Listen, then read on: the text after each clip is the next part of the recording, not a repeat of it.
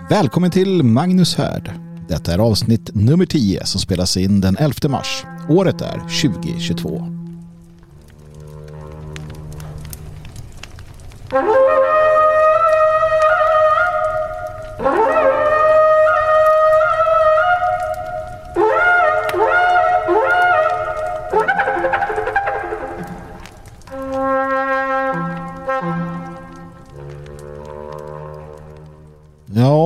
Folk. Först så var det corona. Och sen så var det kriget. För ett år sedan så kunde man inte åka 10 mil för att eh, det fick man inte. Nu kan man det inte för att man har inte råd med diesel eller bensinen. Ändå läste jag att det chocksänktes efter att ha chockhöjts. Så chocksänktes priset eller vad man nu skrev en krona ner. Som att det spelar någon större roll. Först corona, sen kriget. Krigstrummor i media. Jag ser hur eh, man eh, från olika mediehåll intervjuar experter och frågar hur går det om Sverige angrips, om Sverige invaderas, om det blir krig här i Sverige. Mycket av den varan kommer. Mycket av den varan kommer och, och den kommer inte av de bra skälen. För det finns bra skäl till att det bör tas upp. Men det är inte därför man gör det. Man gör det för att eh, skrämmas såklart. Man gör det för att skrämmas. Man gör det för att hålla paniken vid liv. Det var ju kanske svårt att eh, det var ju kanske svårt att upprätthålla covid-paniken ett år till. Så nu har vi denna istället. Som ett brev på posten. Som sagt, ibland får man lust att dra på sig den där eh, foliehatten. Va? Jag tror att det är svårare än så. Jag tror att det är mer invecklat än de eh, konspirationer som, som far och flyger. Men eh, det är klart, det finns människor som tjänar på detta. Det vet vi. Det finns makter som tjänar på detta, det vet vi. Därför så tänker jag att eh, vi borde strunta i det. Alltså i större utsträckning än vi gör. Jag kommer naturligtvis fortsätta prata om det och ni kommer såklart fortsätta lyssna på det. Men låt oss ändå dra ner på det. Låt oss inte låt er inte fångas upp av gammelmedia. Låt er inte bli eh, så att säga eh, på djupet påverkad av dem. Nöjer med eh, den information som är nödvändig och, och låt resten passera förbi. Det är ett råd jag ger mig själv också någonstans. Koppla ner och koppla av. För att en ständig närvaro i detta, en ständig närvaro i detta elände skapar dold stress. Det är inte nyttigt. Det är inte nyttigt för någon. Därför måste man lära sig att eh, koppla av och koppla ner. Man måste lära sig att eh, lyssna på naturen kanske. Va? Kanske lyssna på det som eh, lugnar oss istället. Kanske, ja inte vet jag, se till så att eh, vi gör annat. Har det bra på olika sätt och vis. Varför ge så mycket tid åt elände? Varför ge så mycket tid åt att eh, gå omkring och, och, tänka på sånt där? Va? Det är väl bättre att inte göra det.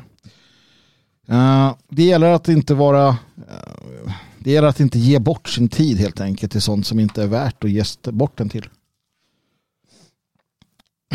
Vi har ju tid men vi har begränsat av den. Så jag råder alla, inklusive mig själv alltså, koppla ner och koppla av.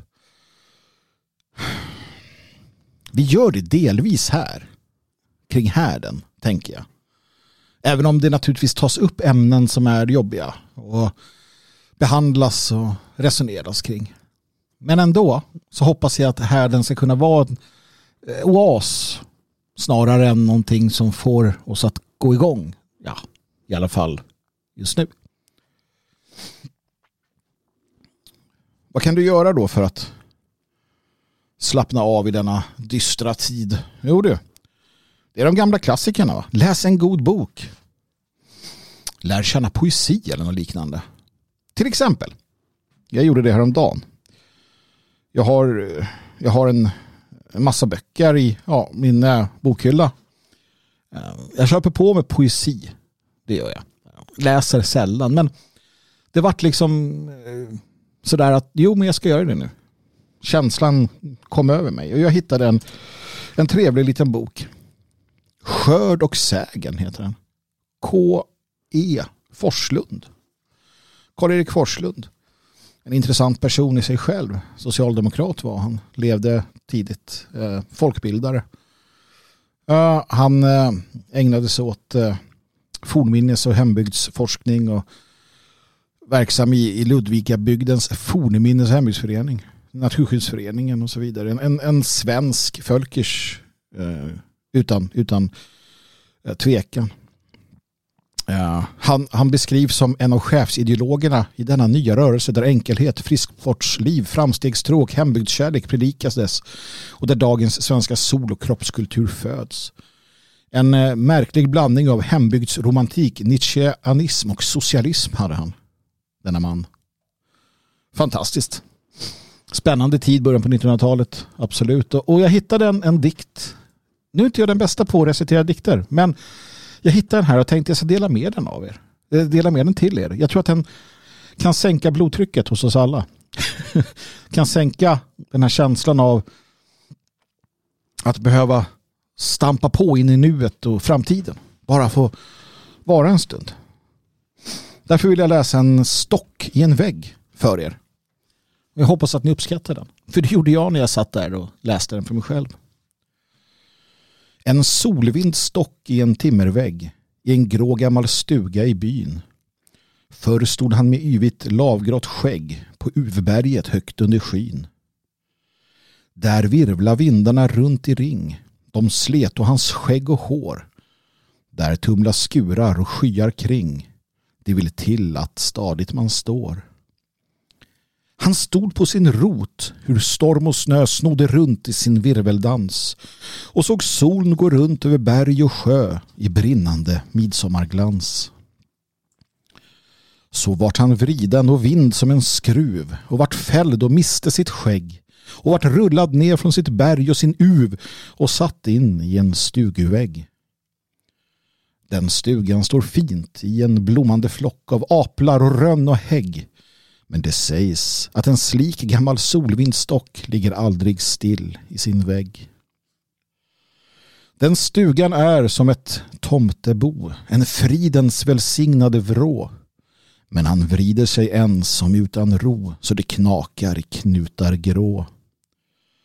Har han oron från höjden i kroppen kvar har han längtan till solen och skyn till storm som kring klinten i ringdans drar högt högt över blommande byn. Ja, det har han nog och det har vi alla. Instängda vid våra kontor eller bakom våra skärmar eller bakom fordonens blinkande och ljudande motorer. Nog har man en romantisk längtan upp på bergets topp där man kan stå i regnet som piskar eller man känner solen. Ja, visst är det så. Sen är det inte alltid lika romantiskt när man väl är där. Myggor som biter och flugor som surrar. Men behåll romantiken åtminstone. Behåll känslan, behåll tanken. Det tror jag är viktigt. Jag tror det är viktigt att eh, hålla allt det där levande. Speciellt i dessa tider. Speciellt när det är som det är. Speciellt när vi ser hur, hur problemen hopar sig. Då är det viktigt. Och tillsammans här runt härden så, så tror jag att vi kan hitta sätt att uh, hantera det. Vi kan gå vidare. Vi kan känna oss trygga. Om inte annat så är det min förhoppning i alla fall. Nej, gott folk, vet ni vad? Nu blir det predikan.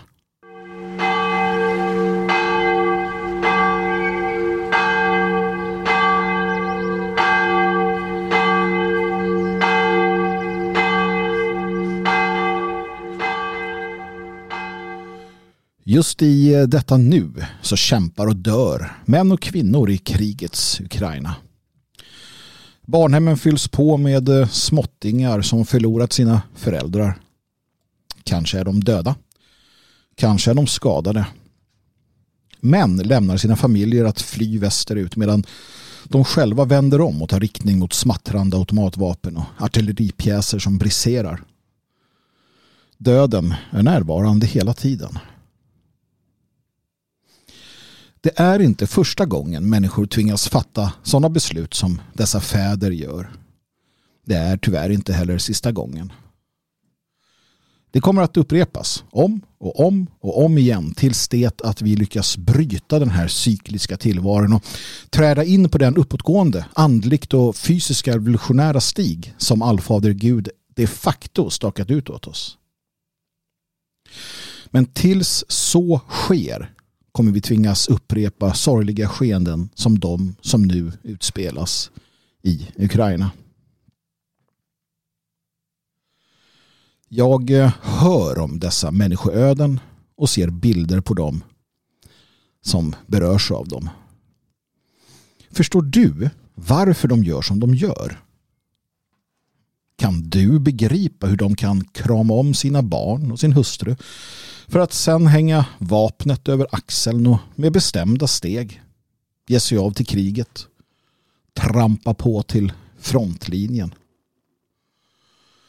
varför gör de det? För vad kämpar de egentligen? Små människor långt borta från kriget anklagar de kämpande för allt möjligt. Jag ser det på sociala medier och på andra ställen där man uttrycker sina åsikter. Man eh, sitter bekvämt bakom sin skärm långt borta från briserande artilleripjäser och automatvapen. Och skriver att eh, de här människorna som nu kämpar vid frontlinjen i Kiev eller någon av de andra städerna, Charkiv, att de egentligen då gör detta för den nya världsordningens skull. Det är därför man kämpar. Man kämpar för presidenten som är en ytterst tveksam figur. Vilket är sant. Man kämpar för NATO. Nej, det gör man inte. Det gör man inte. Det är fel. Och det är små människor. Små, ynkliga människor. Långt borta. Som säger dessa anklagelser. Inget av det är sant vad de som håller i trådarna på de olika sidorna i konflikten har för baktankar. Det är inte intressant här. Det bekymrar inte fadern vid frontlinjen. Eller den eh, unge mannen som är beredd att offra sig. Det är nämligen inte för den ena eller den andra politikern som man är beredd att offra sitt liv. Nej, det är för hem och härd som männen och kvinnorna i Ukraina reser vapen. Och så har det varit genom historien.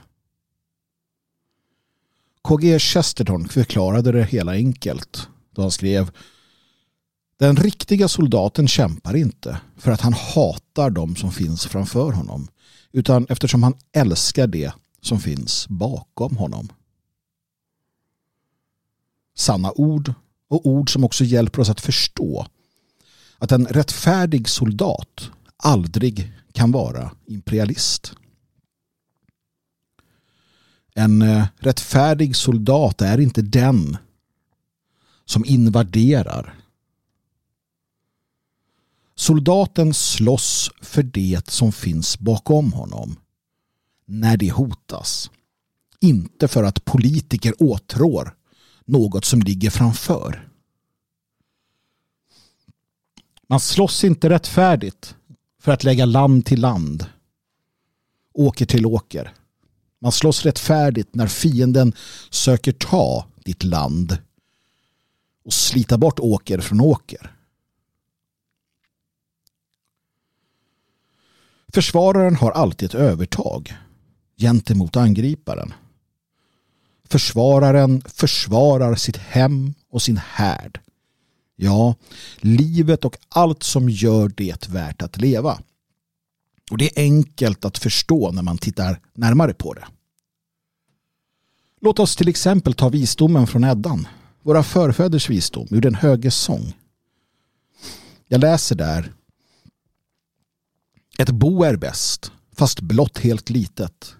Herre är hemma i en var. Fast man tågor har till tak och blott två jätter äger är det bättre än bedja om mat. Ett bo är bäst fast blott helt litet. Herre är hemma i en var. Blödande är hjärtat på den som bedja skall sig mat till varje mål. Hemmet, hembygden, hemlandet. Det är vad man försvarar.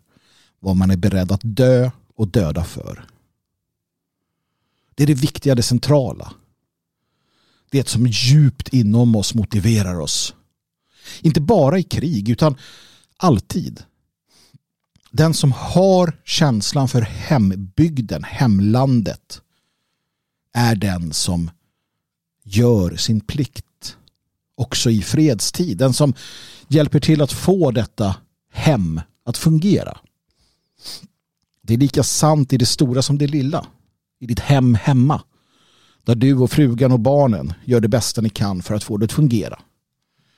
På samma sätt försöker vi få det att fungera i samhället, det lokala samhället och i det stora, större samhället i kontexten. Det är också genom den här måttstocken som vi kan se och fundera kring flyktingströmmarna som nu kommer. Kvinnor och barn jämfört med vad som kom tidigare. För mig blir det en värderingsfråga i grund och botten. Hur jag betraktar de människorna. Ukrainarna är uppenbarligen ett folk som vill försvara sitt hem och sin herre som känner för detta. Medan de lycksökare som har kommit tidigare de lämnar sitt land. De lämnar sitt hem. De lämnar sin härd. Det är två skilda människotyper och vi vill inte ha vi ska inte ha, vi ska inte husera lycksökarna som sviker det som borde stå dem närmast. Det säger sig självt. För de kommer svika oss. Men det tror jag inte. Det är jag helt säker på att de som kommer nu inte gör. Om det skulle vilja sig illa i framtiden. Man söker hjälp när det behövs. För att fadern eller brodern ska ha lugn i själ att försvara hemmets härd så lämnar kvinnorna och barnen och reser för att sen komma tillbaka och bygga upp sitt hem och sin härd. De kommer tillbaka. Kanske är fadern kvar. Kanske är sonen vid liv. Kanske inte. Men man kommer tillbaka för att fortsätta bereda sig det liv man levde. Somliga kanske blir kvar och de är varmt välkomna. Ett bo är bäst fast blott helt litet. Herre är hemma en var. Hemmet, hemlandet, där man är herre. Där man är. Där man är. Där man var och där man blir. Hemmet. Hembygden, hemlandet. Det är vad man försvarar. Vad man är beredd att dö och döda för de små människorna kan fortsätta med sina ändlösa och någonstans meningslösa geopolitiska analyser och träta om sånt de inte kan göra något åt. Eller så omfamnar man heroismen som den sanna soldaten ger uttryck för i detta nu. Heroismen som vi kan hitta hos alla som försvarar sitt hem. Som försvarar sitt hem oavsett vem det är som försöker ta det hemmet ifrån dem. Den sanna soldaten, den sanna kämpen, den heroiska är den som försvarar. Angriparen är den usla. Angriparen är den usla. Kriget i Ukraina och det ukrainska folkets försvarsvilja lär oss något viktigt. Påminner oss om något avgörande som folk och som individer. Kanske inte vi som lyssnar i detta nu. Men för en större massa så är det någonting viktigt som man blir varse. Att det är på riktigt. Att man inte kan ta hem trygghet, frihet för givet. Att det kan när som helst utmanas. Att man måste vara beredd att försvara det. Detta är ett nytt koncept för många. De har inte ens hunnit förstå att det är på det sättet. Man förstår också nu att livet är den insats som man måste vara beredd att lägga upp, lägga fram, lägga i vågskålen. Hem, trygghet och frihet kan kosta dig livet att försvara, att behålla, att lämna vidare till dina barn, dina barnbarn. Det kan kosta dig livet att bevara friheten. Friheten kan inte tas för given. Och det här är någonting som vi lär oss nu. Som svensken börjar se, börjar förstå när de ser och hör om vad som händer i öst. Ständig vaksamhet är absolut nödvändigt. Också detta lär vi oss. Vi har inte tid för hehe och hepp hepp hela tiden. Binge titta serier på Netflix. Överflödet har gjort oss ouppmärksamma. Överflödet har fått oss att eh, lojt gå runt bakom stadsmurarna. Det har fått väktarna i tornet att eh, titta bort på tok för många gånger. Ständig vaksamhet inser vi nu är absolut nödvändig i det stora såväl som det lilla. Och vi börjar också förstå att vi ska förbereda oss för det värsta och att vi ska hoppas på det bästa. Vi ska förbereda oss för det värsta och hoppas på det bästa. Ingenting kommer att eh, vara sig likt efter covid och invasionen av Ukraina. Kanske tar kriget slut imorgon. Kanske kommer det dra ut länge till. Förändringen har däremot redan börjat och jag tror att vi alla känner den. För sanningen är att den här meningslösa, tama och fjolliga tid som varat några årtionden, det är en parentes. Faktiskt så är det en parentes. Jag är inte sådär vansinnigt lastgammal, men jag minns.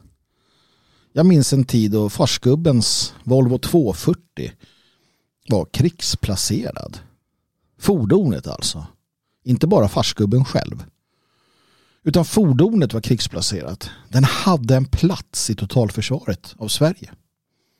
Det här var under socialdemokratisk ledning som så mycket av Sveriges tid har varit förstås.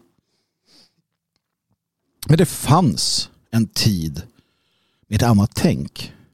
Ja, men vi hörde ju dikten tidigare. K.E. Forslunds dikt, en socialdemokrat, som förstod detta. Det har varit andra tongångar i Sverige än vad det är nu och har varit de senaste årtiondena. Och det som är nu är en parentes. Det är det vi måste förstå. Det är det vi måste förstå. Familjens bil var krigsplacerad. Farsgubben var krigsplacerad. Och jag själv som litet barn kunde tillägget i telefonkatalogen. Ni minns det här om kriget kommer. Kunde det innan och utan. Jag läste det så ofta jag kunde för att förbereda mig och för att ha en uppfattning om att försvara mitt land. Den tid vi lever i är en parentes. Och den är en parentes för att det fungerar inte. Det fungerar inte eftersom att resultaten av det som händer skapar problem. det är en parentes. Det finns något annat inom oss. Kom ihåg budskapet i om kriget kommer, som är detsamma idag. I folden om krigen eller kriset kommer, krisen kommer. Generalorden är alla meddelanden om att motståndet upphört är falska. Sverige ska försvaras till sista man. Det är ett tungt och ödesmättat budskap detta. Alla meddelanden om att motståndet upphört är falska för det innebär att det finns ingen fredlig lösning. Själva, själva grundidén i Sveriges försvarsdoktrin är att landet försvaras. Motståndet upphör aldrig. Motståndet upphör aldrig. Alltså vi som svenskar ger aldrig upp. Jag tror att det är svårt att förstå någonstans hur djupt detta går. Hur allvarligt detta är. Hur de orden i realiteten skulle göra Sverige och svenskarnas försvarsvilja. Alltså hur den skulle på något sätt alltså förstå igen.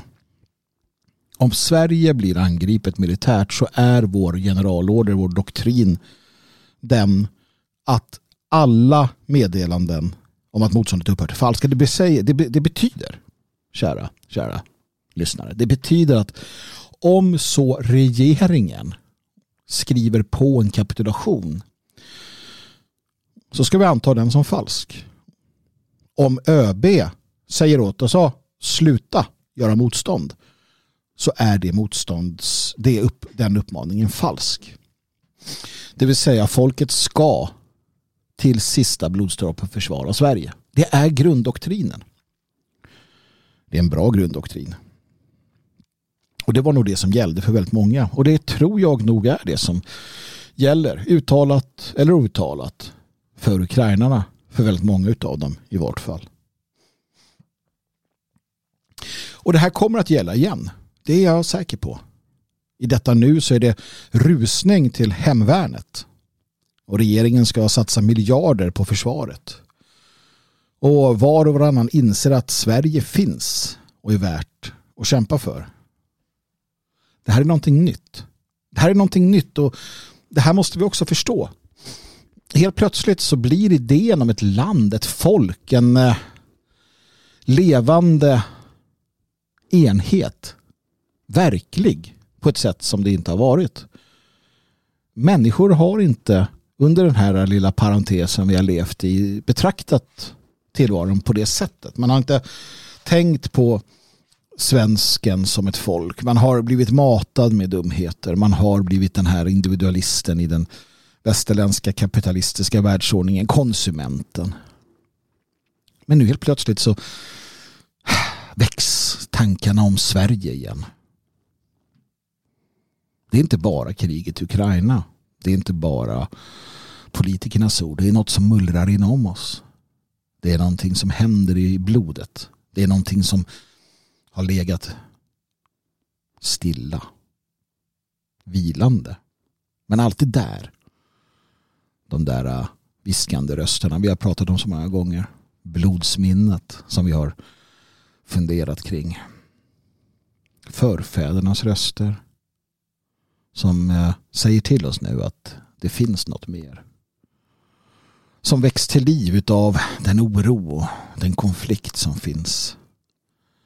Sverige, svenskarna. Det är på riktigt, på ett sätt som det inte har varit tidigare. Och det är härliga tider för oss som i alla år har predikat försvarsvilja.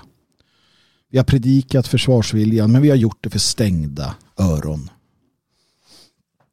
Globalisterna har sagt att det inte behövs. Om och om igen ser vi samma misstag från samma typer av usla kräk. Efter första världskriget, eller innan första världskriget, innan andra världskriget och nu innan den här utmaningen av den europeiska säkerhetsordningen har vi sett samma sak. Lägg ner. avveckla. Bekymra er inte om försvaret. Vi vill inte höra sådana ord som seger eller död. Vi vill inte ha dessa, denna toxiska maskulinitet. Usch för kamouflage, usch för karbiner, usch för vapen. Det är ett särintresse, sa förrädaren Reinfeldt. Ett särintresse. Moderaterna såg till att avveckla mer. Och så har man hållit på. Politikerna. Allihopa. Röda, gröna. Höger, vänster. Och nu. Hoppsan hejsan, vad hände? Nu så tittar svenskarna på ukrainarnas kamp. Man inser någonting. Man inser någonting som vi kan tycka varit uppenbart men som, ja, kanske inte har varit det. Man inser att man inser att ukrainarnas försvarsvilja, deras hårdhet, deras vägran att ge upp den kommer inte från eh, genusteori eller HBTQ. Det är inte det som ger dem styrkan. Det är inte de idéerna som får dem att härda ut i Mariupol eller Charkiv eller Kiev. Det är inte kritisk vithetsteori eller försök att gömma sin toxiska maskulinitet som får soldaterna att härda ut helvetet på jorden. Och det här börjar vi förstå. Till och med politikerna. Till och med de varmaste anhängarna av den liberala världsordningen. De inser att de har ett problem. För det kommer bli bistrare tider nu. Det kommer bli bistrare tider. Och bistrare tider ger ett bistrare folk. Men det ger också ett sundare folk. Det skall fostras hårt som skall växa till makt och länge får svärdet renas i härden som åter en gång skall besitta världen. Så skrev Verner von Heidenstam och hans ord är sanna. För visst, giftet som spridits under alla år, det liberala, demokratiska gift, kommer inte snabbt att försvinna. En Novus-undersökning nyss visade att eh, hela 35 procent i åldern 18 till 29 år svenskar sa att de inte skulle försvara Sverige vid invasion. 35 procent i åldern 18-29 procent sa att nej. Vi tänker inte försvara Sverige om Sverige invaderas. Det är ett skrämmande bevis på den liberala demokratins sjuka. Men jag såg också några andra ungdomar som fick frågan om värnplikt och folkförsvar. Och de sa att de minsann vill försvara Sverige. Att det är självklart. Och bland män generellt ligger försvarsviljan på 74 procent enligt den här Novus-undersökningen. Och det är viktigt och det är för, eh, glädjande att förstå. För det betyder att hela det här narrativet om att det inte finns svenskar, att man inte ska vara manlig, att man inte ska förstå och acceptera våldet som ett verktyg och så vidare. Det har inte hjälpt. Propagandan har inte satt sig. För när verkligheten knackar på dörren så finns känslan där. År av antisvensk propaganda har inte hjälpt. Och nu blir det ett annat djur i skällan. Och saker och ting ändrar sig snabbt. Den eh, liberala västerländska fallna, eller på fallrepet i vart fall, världsordningen har insett någonting. De har insett att enda chansen för dem att upprätthålla sina i min värld sjuka friheter. Det bygger på att det de hatar och föraktar finns där för dem finns där för att beskydda dem. För att världen är vad världen är. De naturliga lagarna är vad de naturliga lagarna är. Det vill säga att du kan inte fullt ut implementera den neoliberala nya världsordningen med allt vad det innebär. Om du inte har en grund i det traditionella, det friska. Och nu kommer vi vara tvungna, och de kommer vara tvungna, att karva bort en hel del av det ruttna för att ha en chans att kunna fortsätta. För glöm inte den liberala världsordningen, de dolda makthavarna. Allt detta pack, globalister med flera. De kommer inte ge upp. De kommer inte dra ner på takten. Men de måste tänka om. Och det här är ett gyllene tillfälle för oss. För de måste, för att kunna överleva, ta bort mycket av rötan och förstärka de bra delarna.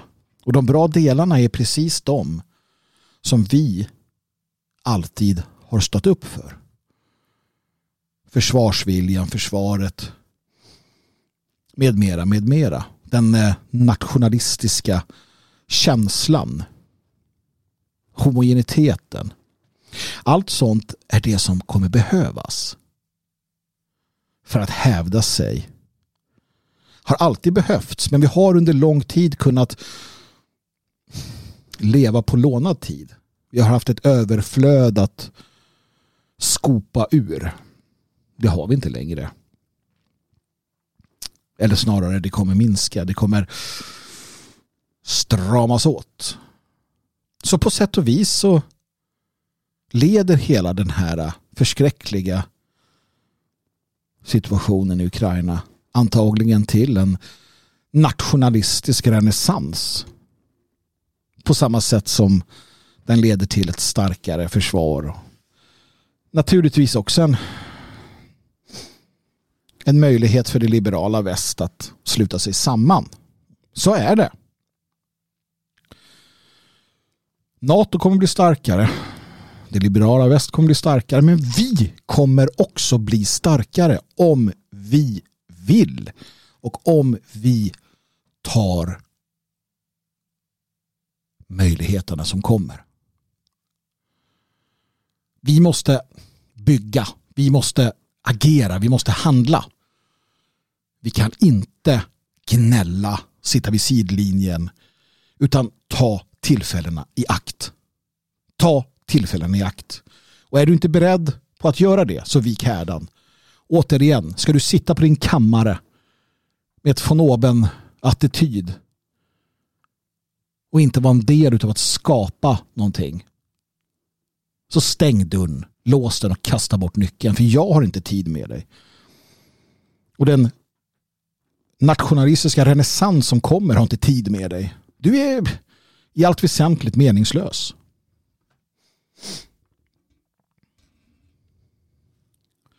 Den nationella renässansen kommer inte bara vara av det slag som jag har påpekat hittills.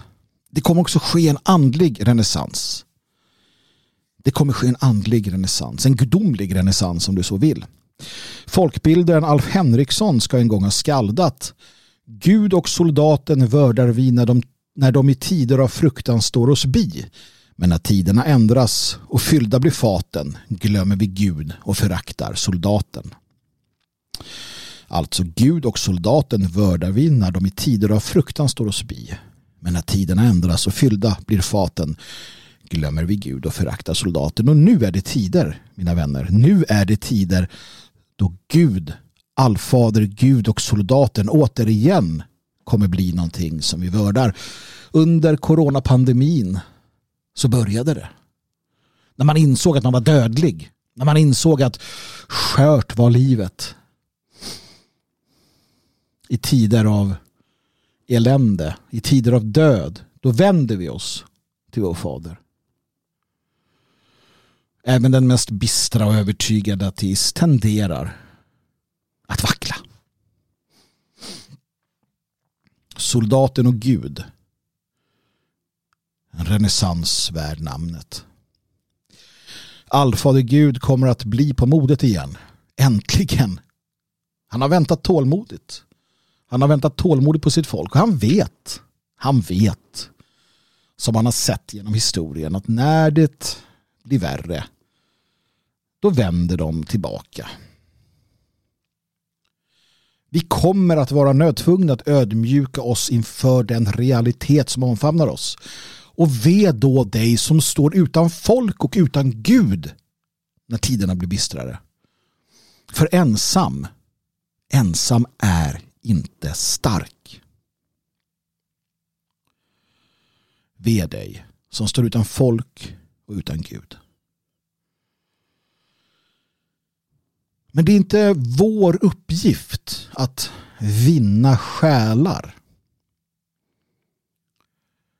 Vi ska leva som vi lär och bygga det fria Sverige genom små steg varje dag. Och de som har öron, de kommer att höra. Och de som har ögon kommer att se. För gör det inga andra föreställningar om att det vi gör inte är politik och tro. Det vi gör är politik och tro. Politik och tro. Det är grundfundamentet för den nationalistiska renässansen som vi ser. Och precis som att det en gång var så ska det vara igen. Tro, politik och vetenskap ska flätas samman. Precis som Sir Francis Bacon drömde i boken Det nya Atlantis. Det är ditåt vi vandrar. Och det är det som är essensen av den nationella renässansen som kommer. Du kan antingen omfamna detta och lära dig leva med det ansvaret. Eller så förnekar du din uppgift och ditt uppdrag med allt vad det innebär. Vi som tillhör de två gånger födda en gång i själen, en gång i kroppen. Vi blir inte tillfreds förrän vi gör vår plikt. Den där tomheten du känner inom dig som du fyller med ljud och bilder och alkohol och droger och sex och vad det nu kan tänkas vara. Allt det du fyller den med från den moderna världen. Den tomheten kommer fortsätta att kännas. Den kommer fortsätta att vara där tills du gör det du ska. Tills du accepterar den du är. Tomheten kommer av att du inte gör din plikt. Att du inte svarar på det kall som du nås av.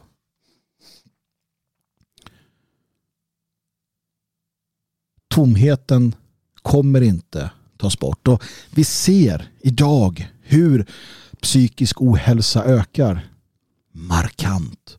Hur vanföreställningarna ökar. Hur vi ska medicinera bort allting. Alla problem, all ångest, allt bekymmer.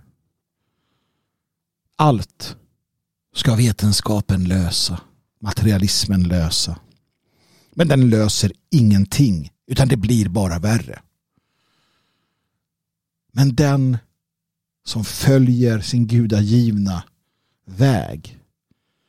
Som ödmjukar sig inför allfader Gud och inför det uppdrag som vi har fått. Den som accepterar det och försöker finna sin plats i detta. Hon kommer inte lida av tidens tecken.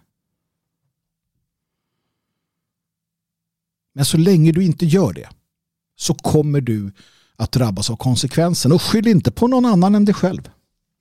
Våga inte göra det. Det är du som väljer.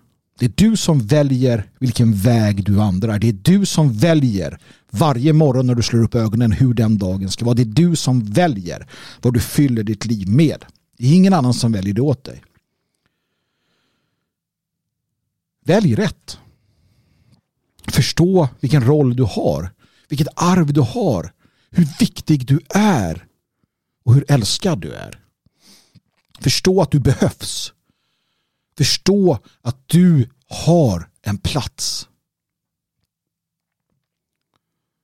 Och när du gör det, ja, då kan du också tryggt läsa de tröstande orden från allfadern.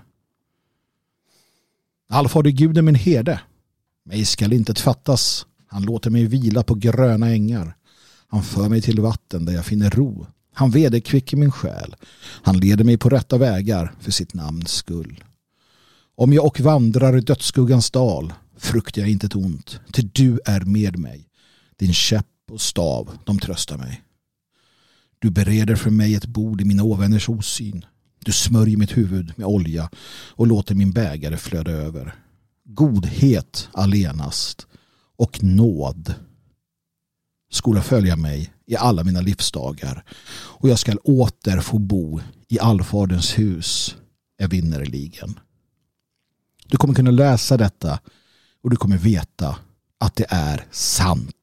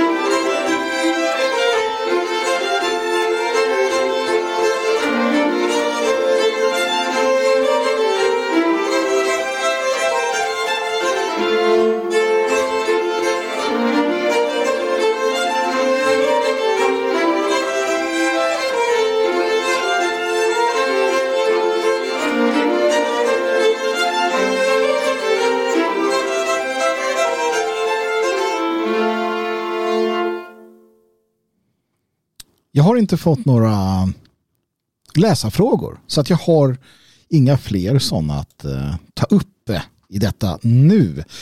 Så att eh, vi ska börja avsluta. Ni är välkomna naturligtvis att skicka in mail till magnushärd.protonmail.com Magnus H-A-E-R-D at protonmail.com Naturligtvis är ni också välkomna att donera. När ni har lyssnat på detta, när ni har tänkt efter så kan ni ställa er frågan vad tyckte jag om det här då? Var det bra? Ja men eh, hjälp till då. Skjut in en slant. Swisha till 123 510 5762 och märk det hela med härden. Alltså 123 510 5762 och märk det hela med härden. Alla summor, stora som små, är naturligtvis varmt välkomna. Jag önskar er en trevlig helg. Eh, jag önskar er alla en, fram, en, en god eh, framtida vecka som kommer. Och om allting vill sig väl, och det gör det nog. Så hörs vi igen nästa fredag. Tack för att ni lyssnade. Sköt om er och eh, glöm inte livets mening. Slåss med troll. Befria prinsessor. Döda varulvar. Det är att leva. Och sist, men inte minst, ge aldrig upp.